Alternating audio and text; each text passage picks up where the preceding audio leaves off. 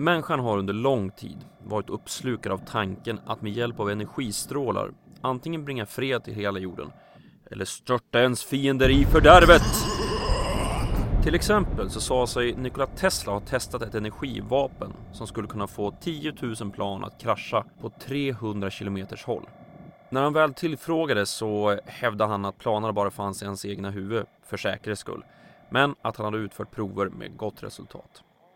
Amerikanska försvaret jobbade idogt under 70 och 80-talet med det som kallas SDI, Strategic Defense Initiative, där man med hjälp av bland annat rymdbaserad laser och andra mer fantasirika lösningar inte bara skulle hålla Ledefi i stången utan också vinna kalla kriget.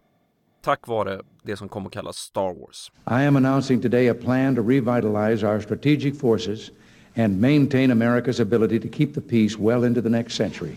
Till och med i Tintin, i boken Hemliga vapnet, så har den virriga professorn Kalkyl tagit fram en metod där man genom ultraljud kan orsaka stor skada. Framförallt om verktyget faller i fel händer. Så vad var det för någonting som amerikanska försvarslabbet DARPA med ett antal försvarsgrenar har gömt uppe i Alaska? Hur hänger det ihop med chemtrails, jordbävningar, hål i atmosfären och rymdfärjan Columbias krasch 2003? För vad vi ska prata om idag är HARP, High Frequency Active Oral Research Program. Enligt myndigheter, universitet och de som faktiskt besökt platsen så är HARP en radarförsöksstation men eh, som konspirationstroende hävdar ett kraftigt strålvapen med kraft nog att orsaka död och förintelse världen över. Mm, ni ska vara välkomna till det här avsnittet av Kvalificerat Hemligt. Den här gången om radarförsöksstationen HARP, jonosfären, orkanerna, jordbävningarna och konspirationerna. HARP is engaged in long range mind control experiments using high and low range frequency transmissions. The intense energy being beamed into the sky by HARP is actually heating up the atmosphere, causing weather changes. The insane criminals who have taken over the US government are killing people and threatening people with earthquake weapons but the presentations indicated this Star Wars weapon was in fact HARP. In 1995, Congress killed funding for Star Wars, but HARP continues as the ultimate SDI radio frequency radiation weapon. Vårt jordklot omges av en atmosfär som är uppdelad i flera lager. Längst ner från marknivån upp till ungefär 10 000 meter återfinns det som kallas troposfären. Därefter, från 10 till 50 000 meter befinner sig stratosfären. Mesosfären följer upp till dryga 90 kilometer upp där det sista lagret, termosfären, finns. Och efter det lagret så är det rymden som tar vid. På 60 kilometer till 1000 kilometer ovanför jordytan, alltså från mesosfären och upp in i termosfären, återfinns jonosfären som är en del av det yttersta lagret av jordens atmosfär. Varje planet och himlakropp som har en atmosfär och som utsätts för joniserande strålning kommer att bilda en jonosfär. I vårt fall är det framförallt solen som bistår oss med den joniserande strålningen genom sin ultravioletta strålning. Joniserande strålning har förmågan att slå ut elektroner ur atomer som de kolliderar med, vilket gör att atomerna blir joner. Och det är också det här faktumet som gör att strålning är skadlig för oss människor och andra levande organismer. För vävnad och celler skadas direkt vid högre doser av joniserande strålning. Men det behöver inte vara så att en skada uppträder direkt. Den som utsätts för joniserande strålning kan ha ökad risk för att utveckla cancer beroende på dos. Tillbaka då till jonosfären. Den är ledande och tack vare det faktumet kan man använda den för att reflektera radiovågor inom olika frekvensband tillbaka mot jordytan. Och, än viktigare, kunna komma förbi begränsningen med horisonten. Normalt sett är det ju så här. Den som sänder någonting är begränsad av hur långt bort radiosändaren kan så att säga se. Ju högre mast och ju högre effekt, desto längre kommer du med din utsändning. Men till slut kommer jordens kurvning att sätta stopp för de här signalerna. Det här med att använda jonosfären som ett radiobollplank sker till exempel med båtar som kommunicerar med land, flygningar över haven, men också med mindre handhållna enheter. Men det finns också signaler som behöver passera genom jonosfären för att göra sitt jobb.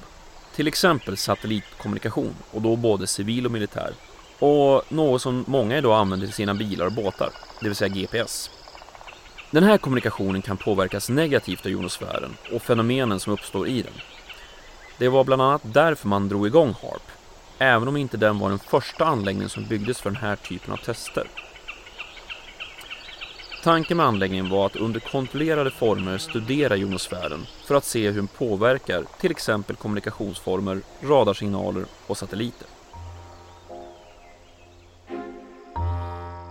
Dryga 30 mil nordöst om Alaskas huvudstad Anchorage finns en avfart från Glen Highway som är avstängd med en stor grind. Genom grinden kan man se en stor vit byggnad utan några direkta ledtrådar kring vad som pågår där inne. Varningsskyltar vittnar om att man tar allvarligt på om någon skulle försöka ta sig in utan tillstånd. Det här det är infarten till den mytomspunna anläggningen HARP. Ordet är en förkortning för High Frequency Active Oral Research Program och här har man under lite drygt 20 år ägnat sig åt studier kring just jonosfären och dess egenskaper. HARP har sitt ursprung i början av 90-talet när den republikanska senatorn Ted Stevens säkrade pengar inom försvarsbudgeten som behövdes för att bygga radarstationen i hans egna hemdelstat. 1993 påbörjades så arbetet med att bygga det som sedermera blev 180 fasstyrda gruppantenner, kontrollanläggning och kraftförsörjning. De här 180 antennerna är huvudinstrumentet för HARP och ingår det system som kallas för Ionospheric Research Instrument. Antennerna används för att aktivera en liten del av jonosfären och sedan studera den aktiverade delen för att förstå naturligt förekommande fenomen. Den högfrekventa signalen som används för att aktivera jonosfären ligger på dryga 3 mikrowatt per kvadratcentimeter. Och det kanske låter mycket, men eh, tänk så här. Den energimängden är inte ens en hundradel av den energi som solens strålar innehåller när de träffar jonosfären. Och det är bara energimängden som träffar jonosfären. Här nere på markytan är en helt annan femma. Skulle vi jämföra energimängden som träffar jonosfären med den energimängd som träffar jordytan är vi nere på tiotusendelar. Givet allt det här, med den lilla energimängden det egentligen handlar om, är det här bara en av många frågetecken som uppstår när man börjar titta på konspirationsteorierna kring HARP. För hur ska en så pass svag signal kunna överhuvudtaget påverka någonting på jordytan? Ja, gör en sökning på HARP på valfri sökmotor och du kommer få en uppsjö med träffar som mer eller mindre fantasifullt berättar vad detta projekt egentligen ägnar sig åt.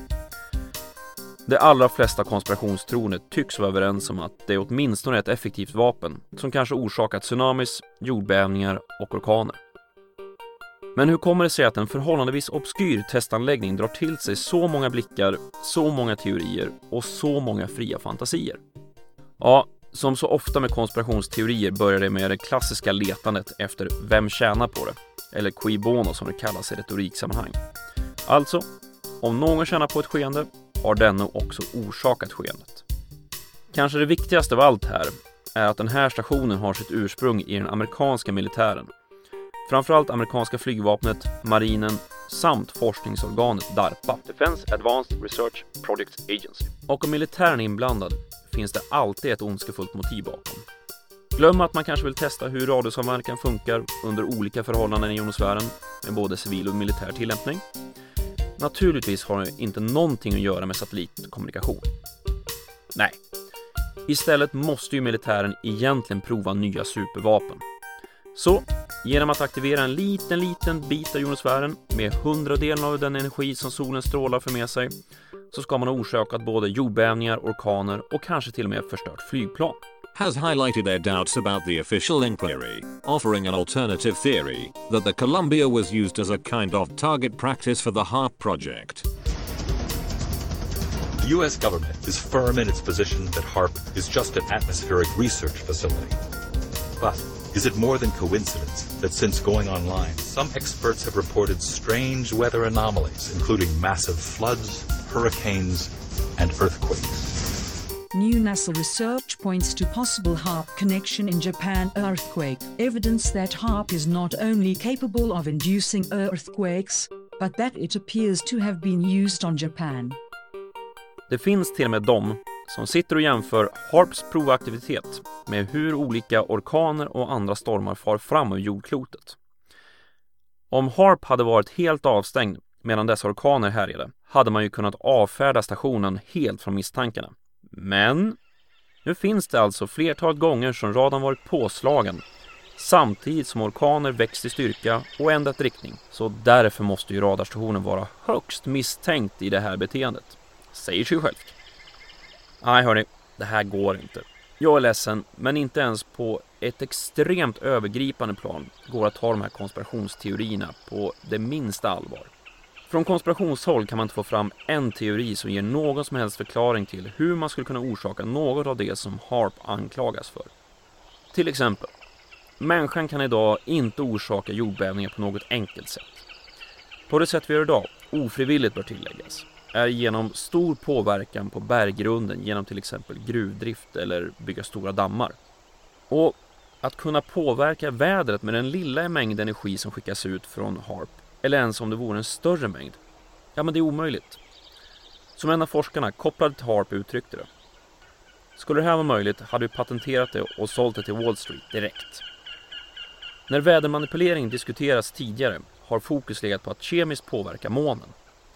Den här metoden, att så att säga salta molnen med olika metallpulver för att få dem att ge ifrån sig större regnmängder, är även den som teori ifrågasatt av vetenskapen. Och de studier som visar på att aktiviteten har effekt har varit på högst lokal nivå, inte över kontinenter eller världsdelar. Och då är vi tillbaka till frågan hur minimal aktivering av jonosfären skulle kunna påverka vädret på global nivå. Och det här är bara från konspirationshåll. För om vi tittar i verkligheten så lyder HARP under myndighetskontroll, vilket innebär att det krävs att det ska visa på att det följer alla möjliga direktiv, lagar och förordningar.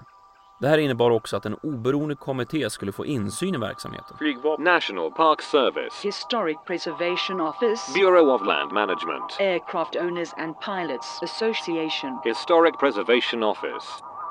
Dessutom, förutom försvarsgrenar så har dryga dussinet universitet och högskolor varit engagerade i projektet kring HARP. Faktum är att flera forskare och studenter åkt dit för att på plats utföra olika sorters försök under åren som stationen varit aktiv. Försöken var kanske inte upphetsande alla gånger, men eh, samtidigt belyser en del av dem intressanta fenomen. Som här, något som kallas Luxemburgeffekten. Ja, vad vi hör här är två stycken ljudfiler som sänds ut på olika frekvens. Men eh, tack vare den förskjutning som uppstår när de två signalerna träffar jonosfären har de här ljuden så att säga mixats och återkommer nu som en sammanhängande signal på en och samma frekvens. Så nej, ingen väderpåverkan eller jordbävning. Istället har forskarna använt jonosfären som sitt eget privata mixerbord. Och ännu ett dessutom. Varje år höll man vid HARP ett öppet hus för den som var intresserad. Så vem som helst kunde besöka anläggningen och prata med personal samt se olika delar av radarbasen. Nej hörni, nu får det vara nog med orkaner och jordbävningar. Nog för dessa fenomen finns. Men eh, vi kan ju definitivt konstatera att det inte orsakas av något mänskligt i den omfattning eller med det godtycke som antyds av konspirationstroende. Slutligen skickar jag en hälsning till alla konspirationstroende där ute. 2013 stängde man ner HARP. Först temporärt, men under 2014 stängde stationen permanent. Detta var då man ansåg sig från DARPAs sida och försvarshåll att man faktiskt var klara med sina försök. Mm. Men nu är det så att University of Alaska har säkrat en budget för tre år framåt med start 2015.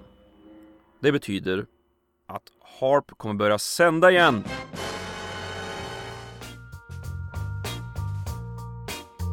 Du har lyssnat på Kvalificerat Hemligt, en poddradio om konspirationsteorier och vetenskap. Länkar till musiken, videoklipp och annat som nämns i programmet återfinns på programmets hemsida, khpodden.se. Jag heter C. Åkerberg och tack för att du har lyssnat.